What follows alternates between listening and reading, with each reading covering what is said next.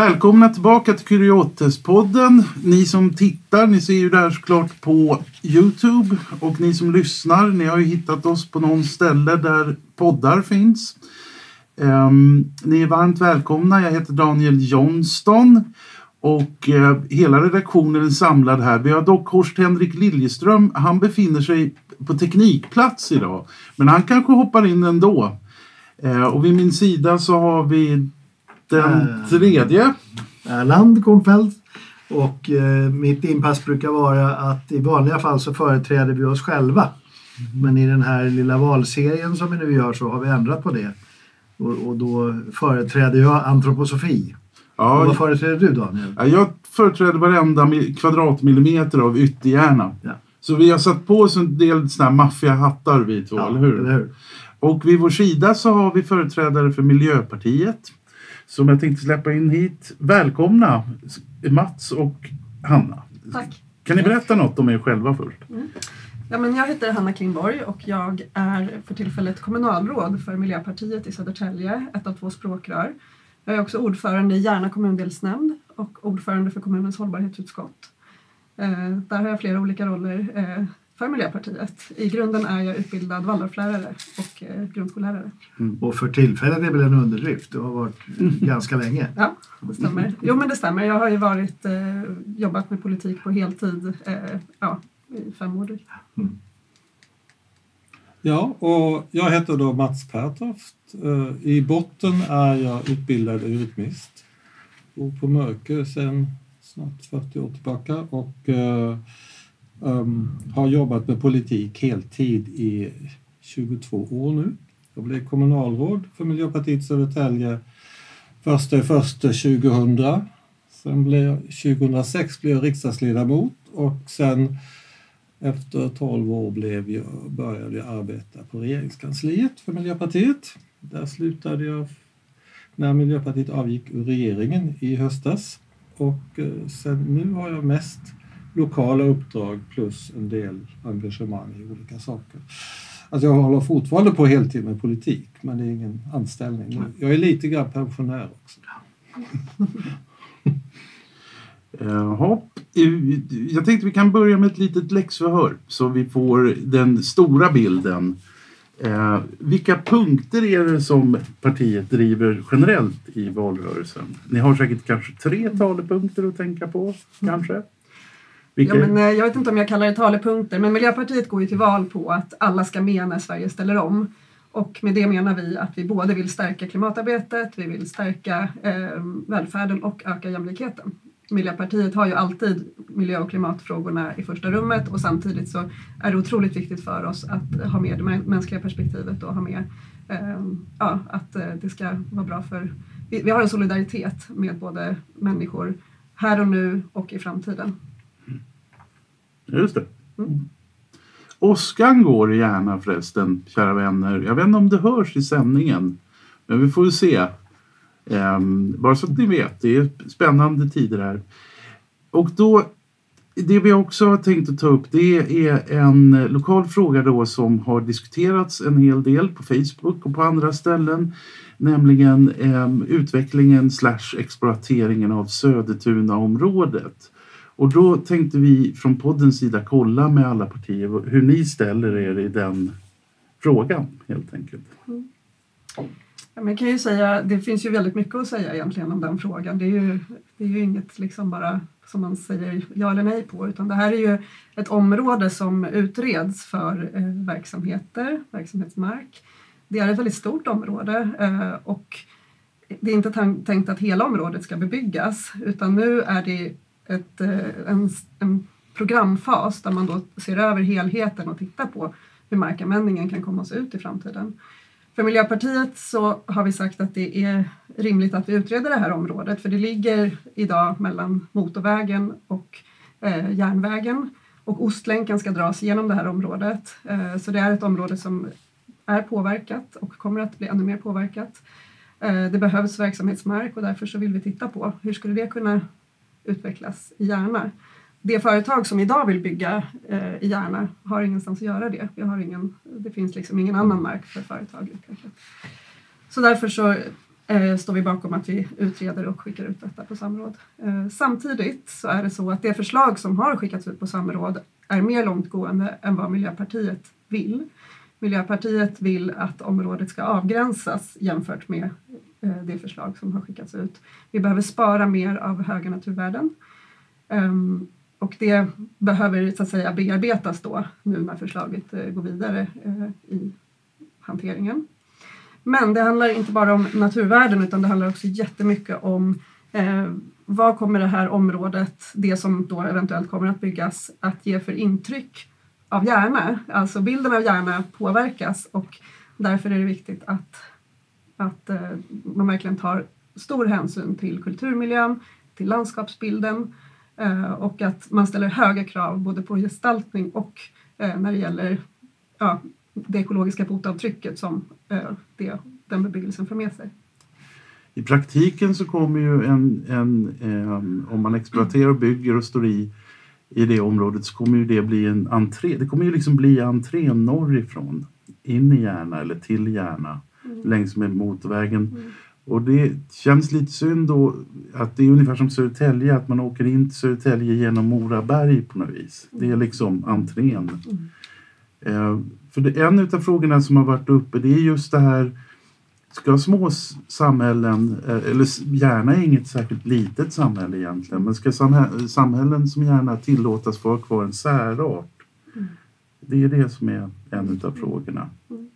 Alltså jag tänker så här att Ja, det här är ju också en entré till hela Södertälje söderifrån skulle jag säga. och jag tror att det intrycket man har över Järnaslätten, det, det ser jag som oerhört viktigt därför att Järna, alltså Ytterjärna och Järnaslätten är av riksintresse när det gäller kulturmiljö. Alltså det finns ett, ett nationellt intresse av att bevara eh, karaktärsdrag i den miljön. Så jag ser nog det som den viktigaste liksom, när det gäller visuell påverkan. Jag ser också närheten till Järna samhälle och liksom eventuella störningar, trafik och buller och så också som en väldigt viktig del. Um, men, men jag skulle också vilja säga att Järna har ju en lång tradition, om vi nu pratar särart, så har vi ju jag tycker det är ganska spännande att, att se på Salt och Kvarn som ju är en industri som ligger mm. vid motorvägen som med sin, mm. sitt intryck har gett, påverkat och bidragit till bilden av Järna i flera decennier. Mm. Så jag ser ju att vi har ett arv att förvalta, att vi ska kunna möjliggöra för eh, verksamheter, det kan handla om produktion, förädling av, av livsmedel till exempel som verkligen är någonting som Järna är riktigt bra på. Att kunna möjliggöra för olika typer av företag men, men vi har ett arv att förvalta och vi behöver verkligen tänka på hur kan vi bygga eh, verksamheter och tillåta etablering på ett sätt som, som är hållbart för framtiden. Och jag ser att idag har vi, det finns kunskap. Ska vi bygga gärna, så, alltså, vilket jag tycker vi kan göra, om än inte för mycket. Det här, och det är en avvägning, den kan man alltid diskutera. Jag tror inte vi ska gå in i detalj. Men när vi bygger så behöver vi verkligen göra det på ett sätt som som vi kan känna oss hemma med. Och jag tycker att gärna, och Södertälje i det här fallet, ska ta chansen och göra det här på liksom högsta möjliga standard. Mm. Jag tänker jag återkommer gärna till Järna-perspektiv men jag tänkte fråga dig Mats först. Hur, hur ser Järna ut ifrån riksdagen? Mm. Finns Järna i riksdagen? Knappast. Nej. Alltså, Järna är en del av Södertälje. Mm. Men sen måste man också tänka på att Södertuna kommer ju också väldigt mycket att förändras i och med att Ostlänken nu byggs. Mm. Och, eh, så, och nu ser det ut som att Ostlänken kommer göra sitt bästa för att anpassa sig till Järnaslätten till exempel. Och, inte, och det var ju en sak som diskuterades redan när jag var kommunalråd. Att liksom, tanken att lägga det så tajt som möjligt ända från Hölö till Järna och norrut Eh, längs motorvägen för att inte förstöra mer natur. Mm. Man kunde ha lagt någon helt annanstans och då hade man bara fått en döyta mellan motorväg och mm. järnväg. Så det här är ett försök mm. ändå att ha ett helhetsperspektiv men gärna diskuteras ju inte på riksnivå i det här och dessutom är ju dessutom de här stora infrastruktur Uh, projekten är ju inte en riksdagsfråga. De diskuteras inte i riksdagen. De beslutas nämligen av regeringen. Nej, frågan var inte enbart till, till, i förhållande till Södertuna utan mm. mer allmänt. Ja. För, för, för, nästa fråga blir ju hur ser det ut i Södertälje? Mm. Um, där, alltså, klart att det är betydelsefullare i Södertälje än i, i riksdagen. Men frågan är ändå, är Järna bara Järna Mm. eller är Järna en del av Södertälje? Hur det ser ut för dig, Janna, i kommunfullmäktige. Um, nej men Järna är en väldigt viktig del av Södertälje.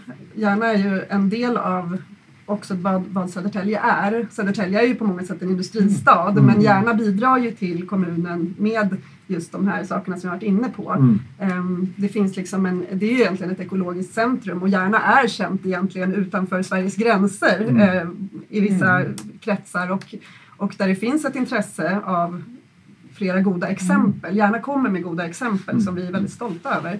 Och Järna är ju också ett väldigt starkt miljöpartifäste, vilket vi också är väldigt stolta över. Så det är klart att mycket av de frågorna som vi jobbar för finns liksom kunskap om på lokal nivå. Inte minst när det gäller till exempel odling och, och livsmedelsfrågor.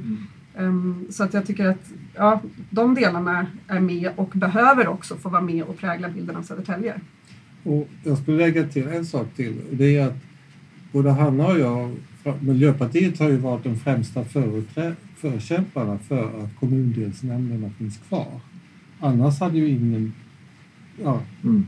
man inte alls brytt sig lika mycket. Då hade allt det här bestämts in i Södertälje. Med, och I kommundelsnämnderna så må, måste, jag sitter ju i Höll och Mörkö kommundelsnämnd som är då ytterligare kommundelsnämnd och vi måste ju hela tiden kämpa med stadshuset att liksom behålla den eh, aut, eh, autonomin som vi ändå har Mm. och att det inte flyttas in på något sätt. Utan det är en, och det är en konstant kamp. Men jag skulle vilja bara säga en sak till också. Att det är ju att, att för Miljöpartiet är ju också, det är klart att, att jag och många med mig känner också en oro såklart för liksom Mm. det samhälle med en ökande konsumtion. Med, alltså trots det här brinnande klimathotet så ökar konsumtionen, så ökar liksom eh, de här ekonomiska transaktionerna och varuflödena. Och det är klart att det är inte någonting som, alltså det, det ser jag med oro på. Och det här blir också svårt för att det behöver hanteras på olika nivåer. Eh, och nu jobbar vi lokalt i hur kan vi utveckla kommunen och hur kan vi utveckla Järna. Och samtidigt är det klart att den utvecklingen som, som, eh, som driver exploateringen, det är ju någonting som egentligen pågår ganska långt över våra huvuden. Det är ju liksom verkligen en global företeelse. Och det här behöver man jobba mer på, på många olika nivåer. Där ju Miljöpartiet är väl det partiet som inte vill se en, en bara en ständig tillväxt som, som faktiskt ifrågasätter en, det tillväxtparadigmet. Och det är också oerhört viktigt. Men vi behöver försöka hantera de här frågorna på lokal nivå. Men, men hur ser det här, vi kan prata lite om rikspolitik också, men regeringsfrågeställningen, hur ser den ut nu eh, i förhållande till efter valet? Jag, jag utgår från att det är inget som ni vill uttala er om, men, men Hur menar du på nationell nivå? ja, alltså om Miljöpartiet ska sitta i regering med andra än Socialdemokraterna på riksnivå är ju en annan fråga. Brukar det vara än i lokalpolitiken? Därför om man tittar över Sverige så finns ju alla möjliga udda konstellationer just eftersom lokalpolitik är så mycket mer vad ska jag säga, sakorienterat än ideologiorienterat. Och då är ju bara frågan eh, om det, är så, om det kan vara så i Södertälje också. Alltså Miljöpartiet, jag ser ju oss som ett samarbetsparti. Ja. Vi är ju verkligen öppna och beredda att samarbeta åt olika håll Mm. och eh, det handlar ju om att vi vill få igenom så mycket som möjligt av vår Mm. politik. Det är utgångspunkten. Och just med tanke på att vi samarbetar med olika partier på olika håll runt om i Sverige visar ju på tycker jag att vi Mm. är vi är ju alltid liksom miljörörelsens parlamentariska gren. Vi är pragmatiska i att vi vill hitta vägar framåt Mm. och vi vill kunna samarbeta men vi vill såklart få så mycket inflytande som Mm. möjligt. Men det, det låter som en större öppenhet här i Ja. Södertälje än i, i riksdagen. Men, Ja, men, det, finns men egentligen finns ju, är ju samma, samma grundbult i det hela. Vi öppnar ett samarbete med alla partier utom SD. Mm. Mm. Och här, jag vet inte vad vi säger när det gäller realistpartiet. det är liksom, nej men jag menar, vi, vi sätter en gräns. Men i och med att vi sätter gränsen SD så faller ju nu när Moderaterna och Kristdemokraterna och Liberalerna säger att de kommer att bilda en regering med stöd eller med tillsammans med SD. Då, då är ju vi inte aktuella. Nej, det var lite så jag menade. Ja, nej För men då- bara för att säga det helt tydligt. Ja, alltså så. där, och då, eh, vi har ju varit öppna tidigare Mm. för bredare samarbeten i, eh, på riksplan. Ja. Här i Södertälje har vi till och med en gång på 80-talet regerat ihop med de borgerliga. Mm. Men eh, Alltså, vi är, är, samarbetar inte på något sätt med Sverigedemokraterna. Jag har en grej. Jag tänkte bara vända mig till er lyssnare och tittare utanför Södertälje. Ni kanske undrar över en grej. Kommundelar. Det är en ganska gammal reform i Södertälje kommun eh, och då betyder det att centrum är liksom centrum men sen finns det självständiga kommundelar i ytterområdena. Så jag tänkte bara, bara som en liten lyssnarupplysning om ni, om ni har haft det i bakhuvudet.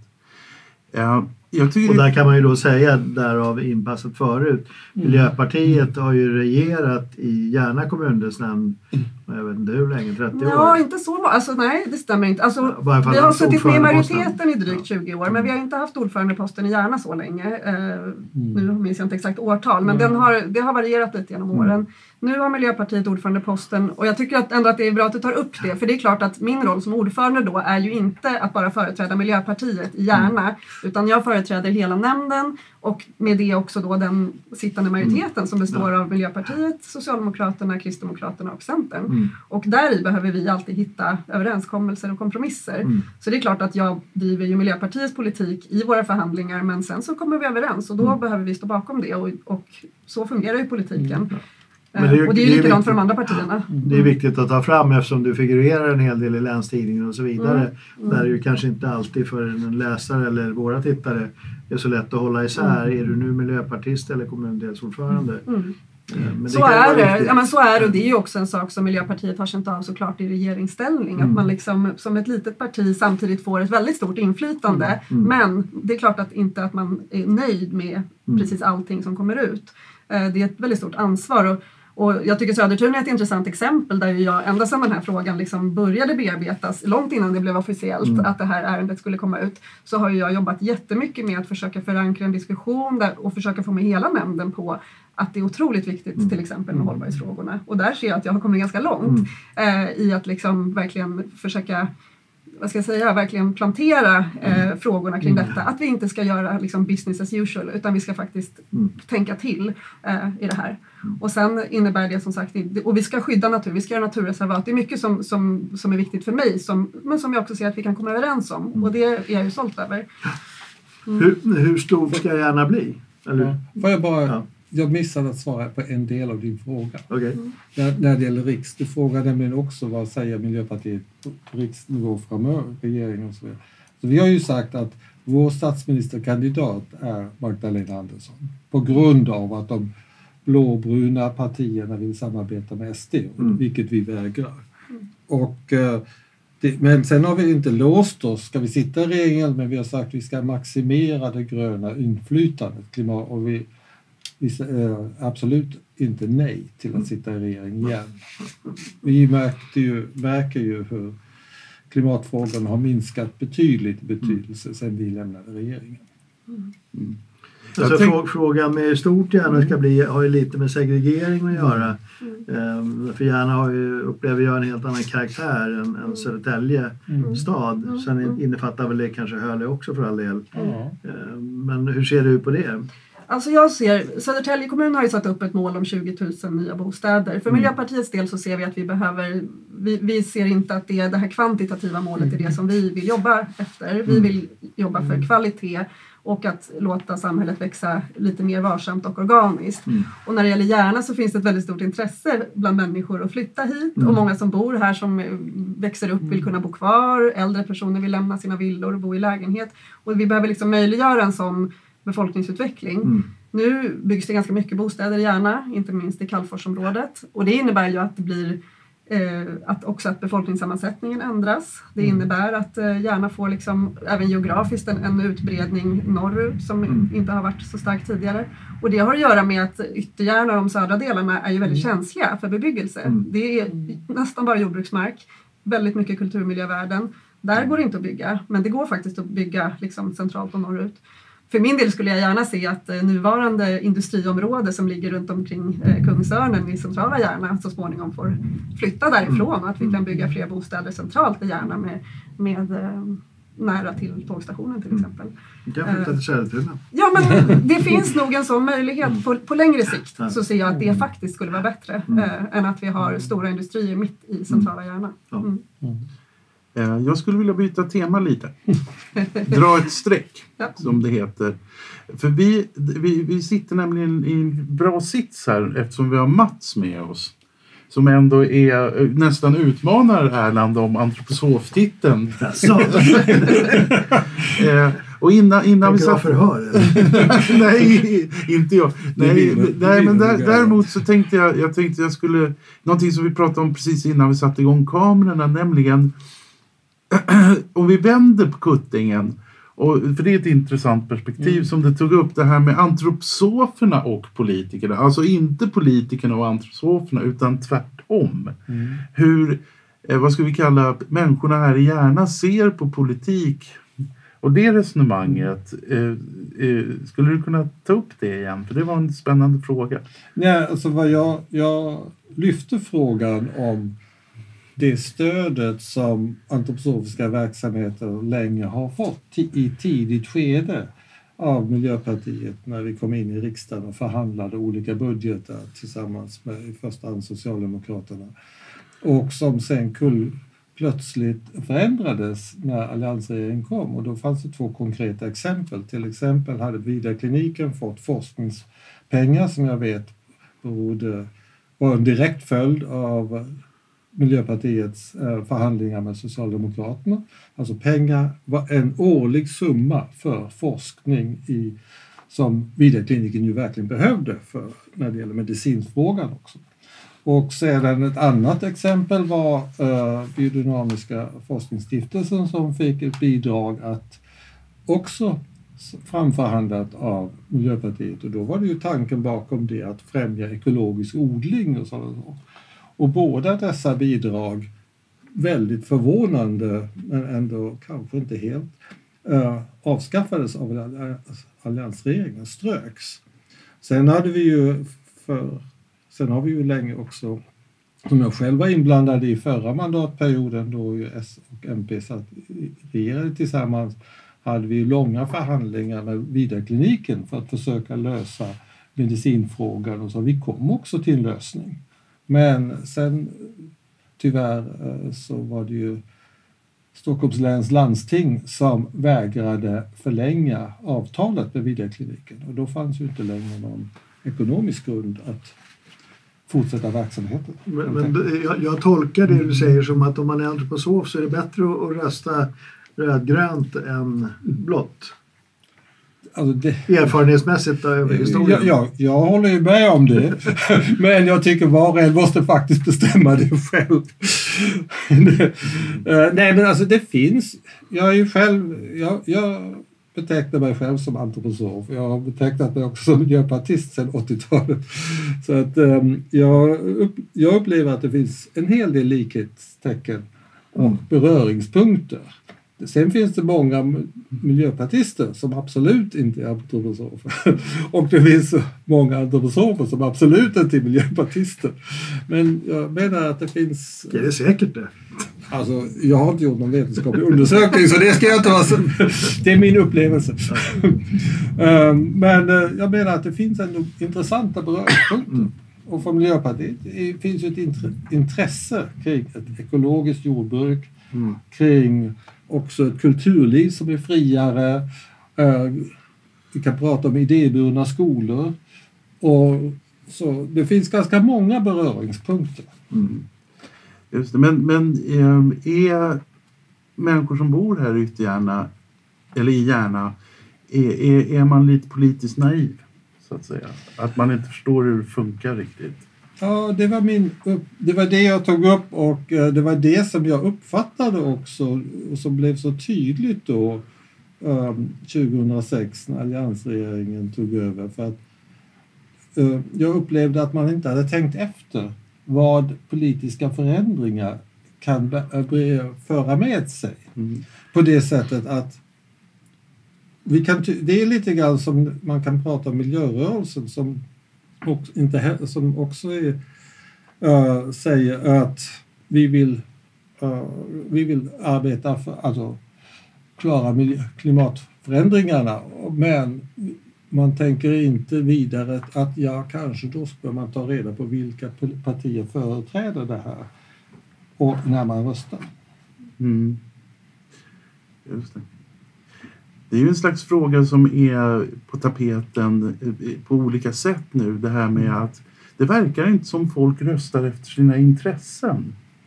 Utan det är, det är på, på, på, på liksom massor med olika sätt. Men det där är en bisak på något sätt. Jag tror vi lämnar det där. Men däremot så vill vi ju prata lite tregrening.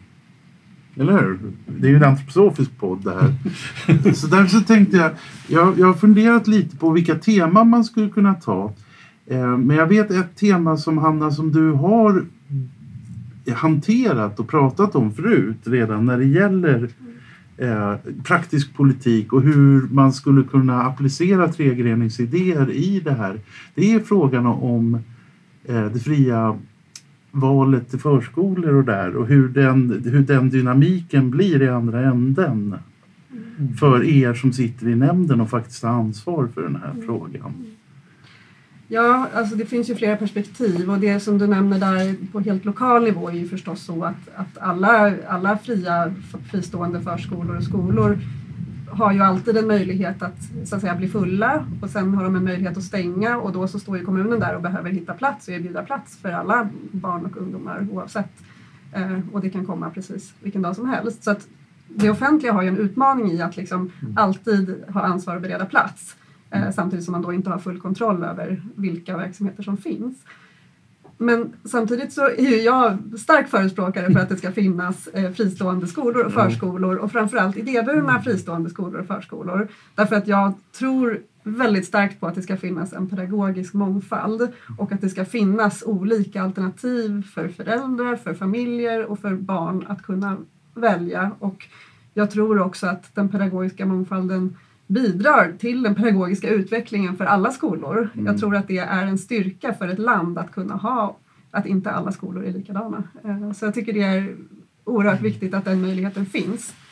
Och för mig har, har jag känt en, alltså hela den här stora utredningen kring, kring eh, den jämlika skolan eh, och där man har sett i Sverige att vi har en, en, en utveckling med ökande segregation och där skolorna har väldigt olika förutsättningar. Och, eller det, eleverna får olika förutsättningar beroende på vilken skola man hamnar i och så.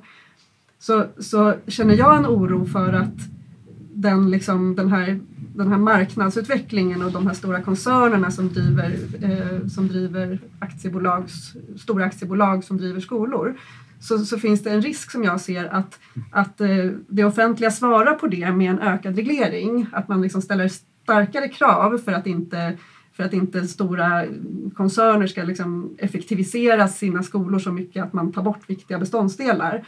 Men att den regleringen då går in och, och faktiskt förstör för små idéburna verksamheter som har otroligt stora utmaningar i att få ihop sin ekonomi eh, och som har ett väldigt gott syfte, som tar ett stort socialt och lokalt ansvar men som så att säga får, jag, jag ser en risk att man kastar ut barnet med badvattnet när man går in med de här stora regleringarna som syftar till att styra marknadsskolan. Men Syftar du nu på Magdalena Anderssons utspel med vinster i välfärden? Nej, jag syftar på en utveckling som jag har sett de senaste åren. Eh, vi har ju, det är otroligt viktigt med, vi har ju liksom mycket lagar och regler kring, kring skolan som är väldigt viktiga. Men, men jag ser en risk att när man försöker från statligt håll detaljstyra exakt, liksom, man går in och styr för att liksom, ehm, det kan till exempel handla om eh, vad vet jag, allt ifrån schemaläggning till nationella prov som liksom blir, blir mer och mer liksom reglerade. Eh, om man till exempel ska sänka eller ha betyg i lägre årskurser, om man ska styra vilken typ av lokaler skolan ska ha. Jag ser ju, jag ser ju liksom varför man gör det, för att skolan ska vara likvärdig för alla. Men det, det blir samtidigt svårt för, för små idéburna verksamheter att, att kunna göra ett bra jobb, för det blir för detaljstyrt. Jag tror, jag tror, jag tror att det är... eh, ehm, I tregreningen så är det ju en, en väldigt, alltså på ett intuitivt sätt plan så är det ju eh, aptitligt det här med att frihet ska vara e- ett viktigt ledmotiv i kulturområdet. Och då räknas skolan också in där. Men friheten då för skolan blir liksom trängd på två olika sätt. Det är intressant att du tar upp det. Det är liksom dels den ekonomiska sfären tränger in i skolan och myndigheternas eh, motmedel blir från rättslivet Mm. att tränga in i skolan så att man befinner sig i liksom klämd från två håll i den här eh, världen när man försöker bedriva skolverksamhet Mm. eh, som idéburen. Och det där är ju intressant just ur ett tregreningsperspektiv att man eh, egentligen så är det de, de ska inte vara inne där och pilla så mycket, någon av de här två sfärerna. Det finns ju såklart eh, eh, någon, någon, någon inflytande ska man ju ha såklart, men, men att det blir liksom intryckt. Mm. För man får ju inte glömma att visserligen räknar Steiner in skolan i tregreningen men han löser ju aldrig frågan om finansieringsprincipen. Nej, nej. Jag menar, det var ju då Waldorffabriken som betalade den första Waldorfskolan, finansierade den. Mm. Och, och jag håller helt med Hanna, och apropå det, din fråga eh, Erland, alltså, att Magdalena Andersson igår gjorde ett utspel om det. Dels har ju sossarna sagt exakt samma sak tidigare redan och Miljöpartiet tog ställning för att vi inte vill ha vinstdrivande bolag för många år sedan. Och vi, vi har egentligen aldrig varit för detta utan vi har drivit väl, från första början sagt att vi vill ha idéburna skolor. Det är det som är Miljöpartiets uh, friskolevariant så att säga. Eh, Jag var själv med på den tiden och förhandlade också ganska mycket. Och för oss fanns ju inte aktiebolagsdrivna skolor på tapeten. Nej. Och man får ju inte glömma, i varje aktiebolag står ju att deras endaste syfte är att driva att generera vinst. Såvida man inte skriver in en annan syfte i syftesparagrafen. Det kan man göra, men då är det något helt annat. Jag tänker också att jag upplever inte att det vare sig ur träningsperspektiv eller i praktiken är särskilt eh, nästan så känsligt att begränsa vinsten. Det, det behöver ju inte liksom föra med sig en detaljstyrning. För jag tänker, ur vårt perspektiv så är det ju ändå Waldorfskolan och om 30-40 år sedan då var ju Waldorfskolans berättigande inte en friskola utan alternativ pedagogik. Och, och nu har ju Waldorfskolan hamnat lite grann i, i kläm på så vis att det är inget, eller det blir mindre och mindre pedagogiskt alternativ eftersom man måste foga sig i all annan detaljstyrning. Exakt. Så, så där är ju mer en frågan om, om det går att rätta till. Alltså att om man skulle kunna hitta någon sån skrivning eller om Miljöpartiet i sådana fall skulle företräda ungefär det du säger, alltså en, någon typ av skrivning på idéburna eller pedagogiska alternativ som skäl för friskolor, inte det ekonomiska incitamentet. Alltså jag, tror, jag tror att man behöver på nationell nivå skilja mellan, eh, mellan så att säga, skolor som drivs av det offentliga eller som drivs av idéburna verksamheter eller som drivs av eh, ja, kommersiella eh, vad ska jag säga, av vinstdrivande bolag. Eh, därför att, och där tror jag, jag, jag tror så att säga inte på någon speciallösning för just Waldorfskolor. Jag tror att, jag, så tror att, nej, men jag tycker att det är viktigt att liksom, apropå vad Mats sa tidigare också om, om naivitet, jag tror att man behöver eh, verkligen ta hand med andra idéburna skolor med, som har andra pedagogiker, som har andra eh, grunder men som samtidigt vill jobba för den här, att, att den sfären ska kunna finnas, att man ska kunna ha den här typen av sociala, eh, pedagogiska syften med sin verksamhet och, och därmed också kunna, att, att, ja, men att man ska kunna ha den sfären. Nu blir man liksom stoppad i samma fack som de stora eh, koncernerna. Då har vi liksom den offentliga skolan och så har vi alla de fristående i samma fack. Och vi har så otroligt olika förutsättningar. Så jag tror att man behöver liksom skilja där för att kunna anpassa lagstiftningen. Eh, och det, ja, men det tycker jag är jätteviktigt. Men, men finns det liksom, den, för det tänker jag berör kanske där vi var med Södertuna. Eh, f- Ser ni att det finns några möjligheter att reglera småskalighet i största allmänhet? Eh, Därför att den här liksom koncernbildningen är ju inte bara på skolområdet, det gäller väl egentligen alla ekonomiska områden. Så där blir ju tillbaks till hur, hur kan man både värna om småföretagandet eh, och reglera det juridiskt utan att inkräkta vare på den ekonomiska friheten eller den pedagogiska eller andra eh, produktionsfriheter så att säga. Är det någonting som går att arbeta med politiskt? säkert att arbeta med det, men jag tror det vore enkla, det enklaste och första viktiga steget vore ju att faktiskt eh, förbjuda vinstkrav, ett vinstkrav. Att helt enkelt säger att du, om du har vinst som syfte får du inte bedriva skola. Mm. Och det tycker jag stämmer även väl med tregreningstanken. Liksom.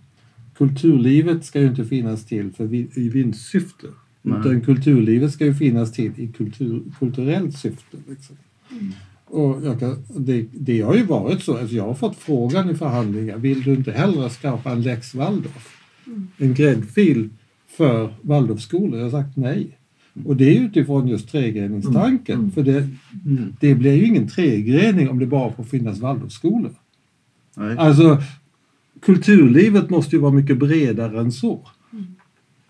så att, Nej, jag, eh, jag tänker också, alltså frågan innefattar Mm. lite grann eh, näringslivsregleringar. mm, Eh, ja. och, alltså, kan man tänka sig några sådana ingrepp också i, i näringsfriheten? Eller är det liksom ett stendött kapitel? Ja.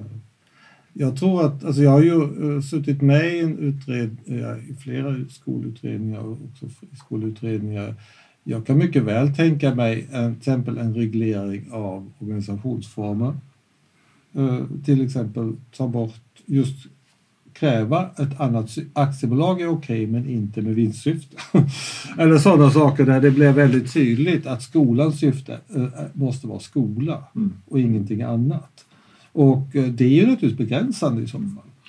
Nej, för jag borrar lite grann i att eh, alltså, som medborgare Mm. eller intresserad, samhällsintresserad så är det ju ganska, för mig, självklart att det finns ett, någon, någon typ av regleringsfråga även med stora multinationella företag eh, som liknar behovet i, i, i skolvärlden.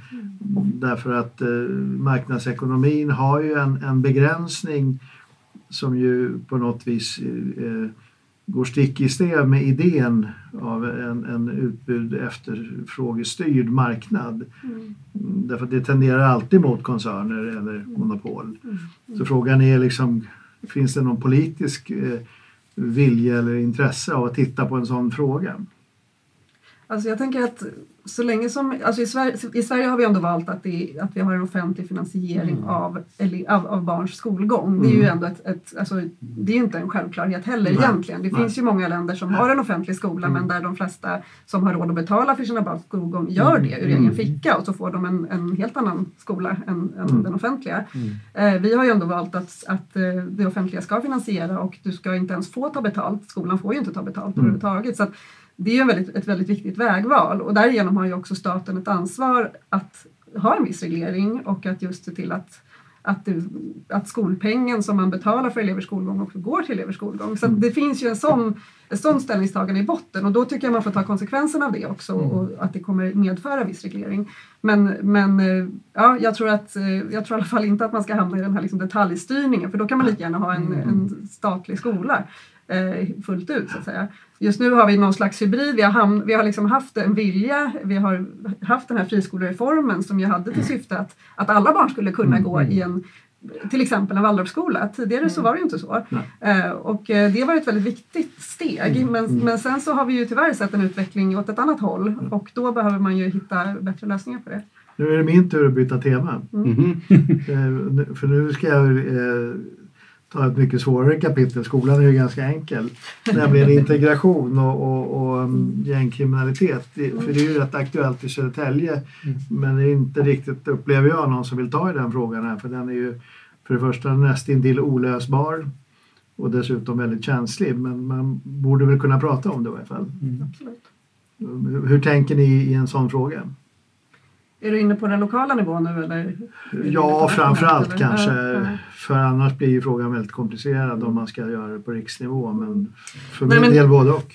Lokalt så, är det ju, så jobbar vi väldigt mycket med den frågan Mm. och som en del av majoriteten så står vi också bakom att kommunen har jobbat i många år med flera olika delar och om man bara ska säga väldigt kort så handlar det ju både om eh, ett samarbete med polis och med andra myndigheter för att komma åt eh, ja, för att, för att försöka komma åt eh, de, både de som så att säga begår brott idag men också de omkringliggande orsakerna. Det förekommer ju Mm. tyvärr väldigt mycket liksom, ja, svart Mm. verksamhet av olika slag. Till Mm. exempel mycket så ser vi ju liksom eh, en svart bostadsmarknad till exempel som väldigt många människor far illa av och Mm. hamnar i, hamnar i kläm. Eh, Så att hela liksom det samarbetet med, med polis och andra myndigheter är oerhört viktigt. Samtidigt så är en annan viktig del är ju att jobba för då att ha en bra skola, att ha en bra fritidsgårdar, att ha bra fritidssysselsättningar för barn och unga. Och där tycker jag, där kommer vi in på civilsamhället igen, där ju jag från mitt perspektiv som miljöpartist ser eh, just civilsamhällets roll som otroligt viktig i det här och där kommunen också då behöver stötta föreningslivet för att kunna verkligen fånga upp barn och unga och också ge goda förebilder, ge meningsfull fritid och liksom hitta en annan väg in i vuxenvärlden. Och sen är naturligtvis socialtjänsten och deras arbete också jätteviktigt. Och det är också någonting som Södertälje kommun jobbar med. Men, Får jag bara nämna, lägga till att en sak som vi i Södertälje eh, inte pratar tillräckligt mycket om tycker jag är ju till exempel att vi har ju en stadsdel, stadsdel nämligen Hovsjö som är vad jag vet den enda stadsdelen som har förbättrats så tillvida att den in, efter kommunala insatser 2005, jag var med 2005 om att starta då Hovsjöprojektet Mm. där Ho- Hovsjö numera inte längre tillhör kategorin av eh, Utsatta områden. utsatta områden. Och det visar ju väldigt tydligt, det var ju en väldigt stark insats från kommunen där man gick in och stöttade ungdomarna, engagerade dem i närområdet. Alltså samhället tog ett steg in, man satsade också väldigt mycket på skolan. Och efter det har man ju satsat på tvålärarsystemet som också har haft ett väldigt bra eh, ja, resultat egentligen i Södertälje. Sen går det upp och ner hela tiden men vi, alltså, det ser inte helt mörkt ut menar jag, i Södertälje. Och det skulle ju kunna vara, för det stod i tidningen här inte för länge sedan att eh, nya stora satsningar just i, i Hovsjö med Mm. också att ta tag i fastighetsfrågan, Mm, alltså bygga om helt enkelt. Mm. Och det är väl klart att det skulle vara oerhört intressant om man har ett pilotprojekt Mm. där man kan visa att om man gör på det här viset så blir det Mm. väldigt Exakt. mycket bättre. Mm. För det är väl det kan jag uppleva som saknas på riksplan Mm. lite grann. Att det, det blir ju det blir väldigt dystra färger Mm. om man pratar om den här typen av frågor. Jag har försökt hålla lite koll på Hovsjö just för, att, just för den satsningen som kommunen har gjort. Och det hade ju varit så fruktansvärt deprimerande om ingenting bra hade hänt. Mm. För det har verkligen det har resurser och god vilja och allt möjligt har verkligen försökt liksom vända en utveckling i ett bostadsområde. Och det verkar ju som det går vägen. Mm. Eh, så. Ehm, vi borde börja ta och runda av lite. Vill du byta ämne igen? Jajamensan! Ja. Eh, Jag är på hugget vi, här nu. vi tar en två minuter på riksplan. eh, och, då, och då är det här så att säga hur, hur ser ni på eh, rikspartiets problematik att vara så litet när ni sitter på en väldigt het fråga? För det där är helt otroligt. Miljöpartiet sitter på kanske den viktigaste, mest spännande, betydelsefulla politiska fråga någonsin eh, just nu. Och nu lyckades ni ju kravla er över 4%-strecket på Just, just idag. Just idag ja. Men hur kan det gå så dåligt för Miljöpartiet när ni sitter på den frågan? Och ni har trovärdighet i frågan. Det har ni. Det, det är liksom det. Obegripligt för oss. Vi, vi vill ju så att säga veta de interna resonemangen. För jag menar, är det språkrörens fel? Jag tror inte det. Eh, nej, jag tror inte det. Tyvärr, alltså jag, jag tycker själv att det är obegripligt att det är så få som verkligen, som verkligen är beredda att rösta för miljön och klimatet trots att man vet hur allvarligt det är. Mm. Och nu ser vi dessutom flera partier som verkar släppa de frågorna helt. Och där är en jättestor utmaning såklart när vi har ett krig i, liksom i vårt närområde, när vi har haft, gått igenom en, den här stora pandemikrisen. Då, så här stora kriser tenderar väl att folk liksom, ja, kanske backar tillbaka lite grann i, i sin utveckling och jag, det, det oroar mig. Det är klart att jag tycker att eh, och verkligen hoppas att människor ser eh, Miljöpartiets ständiga kamp för miljö och klimat och att det också är någonting man är beredd att rösta Jag för. är liksom ute min journalistiska ådra, jag är liksom ute efter det interna snacket. Nej, men om- Eller om- analysen kanske. Ja men, ja, men en grej där till exempel är, skulle Miljöpartiet tjäna på att specialisera sig?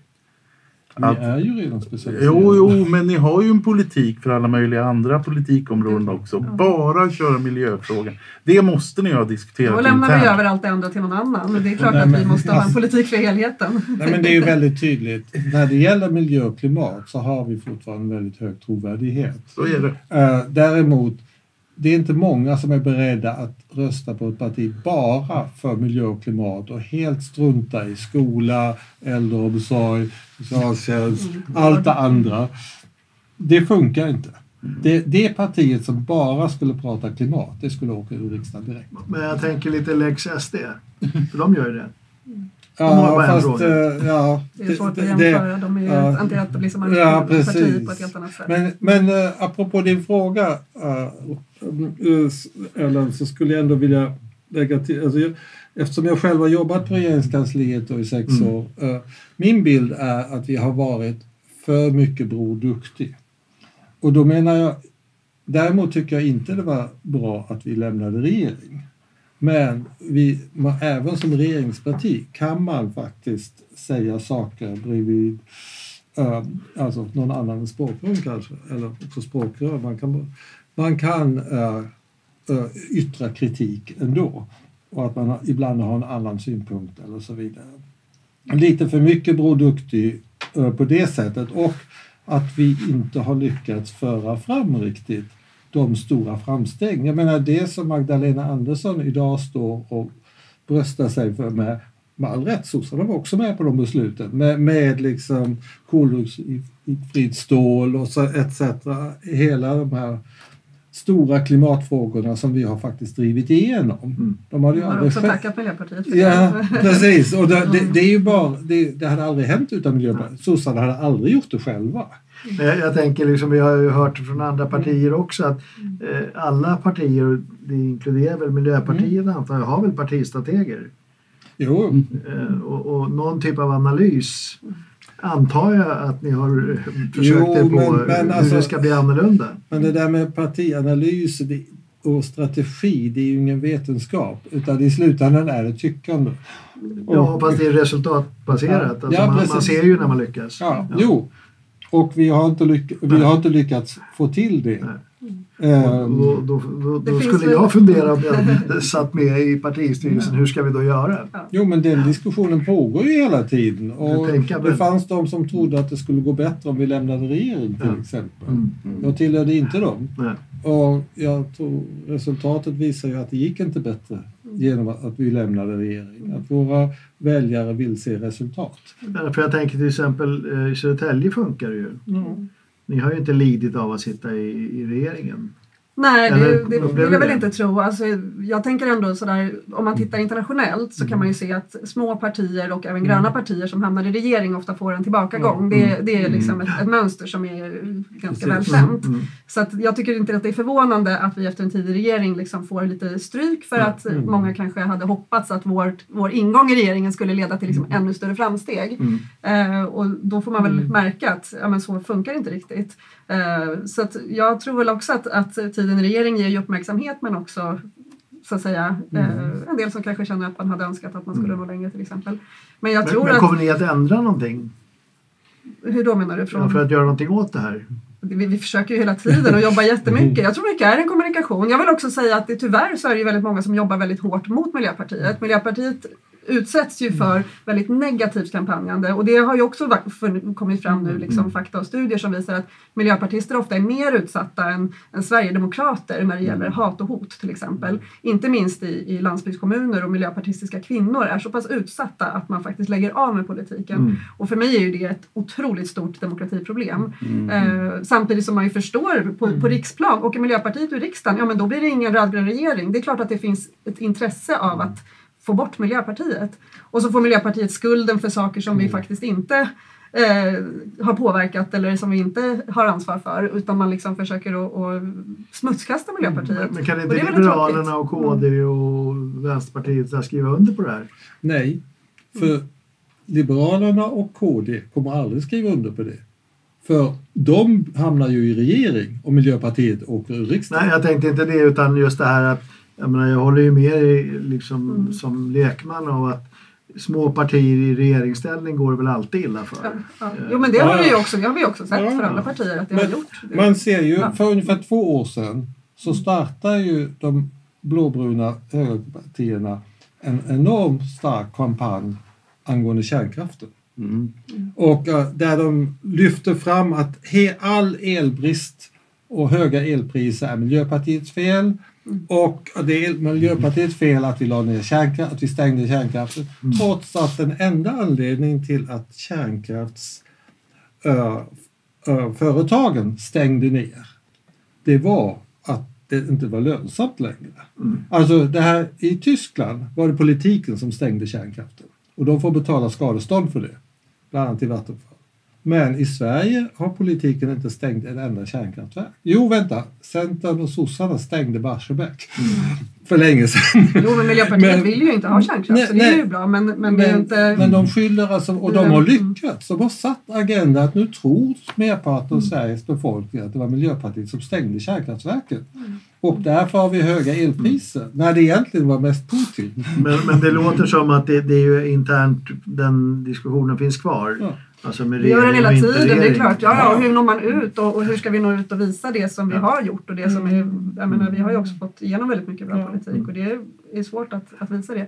Jag tycker lokalt ändå att man kan se att vi har suttit i majoritet i över 20 år. Vi kan se att det liksom, vi har byggt upp en, liksom en eh, god relation till våra samarbetspartier. Jag tror att det liksom i längden är ett, ett bra sätt att visa att även ett litet parti kan få ett stort inflytande och att vi eh, liksom, ja, att man, att man kan jobba på det sättet. Så att jag, jag du tror nog borde ha att det är större bra. på, inverkan på rikspolitiken. Vad sa du? borde ha en större inverkan på Ja, rikspolitiken. det än hoppas jag att jag ska få i framtiden. Mm. Därför jag menar, jag tänker i, i Södertälje så tänker man väl på Miljöpartiet som ett regeringsparti. Det tror jag att man gör. Ja. Ja. Och just det där att vi har suttit länge och då får man ju också en möjlighet att visa ja, hur man kan jobba. Ja. Och där vill jag bara säga ett exempel. Det är ju hur vi har jobbat med skolmaten. Som vi ville ha ekologisk skolmat och sen har den frågan bara vuxit och vuxit och vi jobbar med liksom verkligen maten som verktyg för hållbar utveckling i ett mycket bredare perspektiv. Det är liksom där man kan se hur vår liksom långsiktighet har liksom gett väldigt goda resultat. Jag tror vi, Vi nöjer oss där. ja, Mm. Miljöpartiet som regeringsparti, åtminstone i Södertälje. Så är det. Ja, jag tycker i hela Sverige. Ehm, stort tack för att Ja, ni kom hit. kom hit. Tusen Och lycka till! Tack, tack. Tack.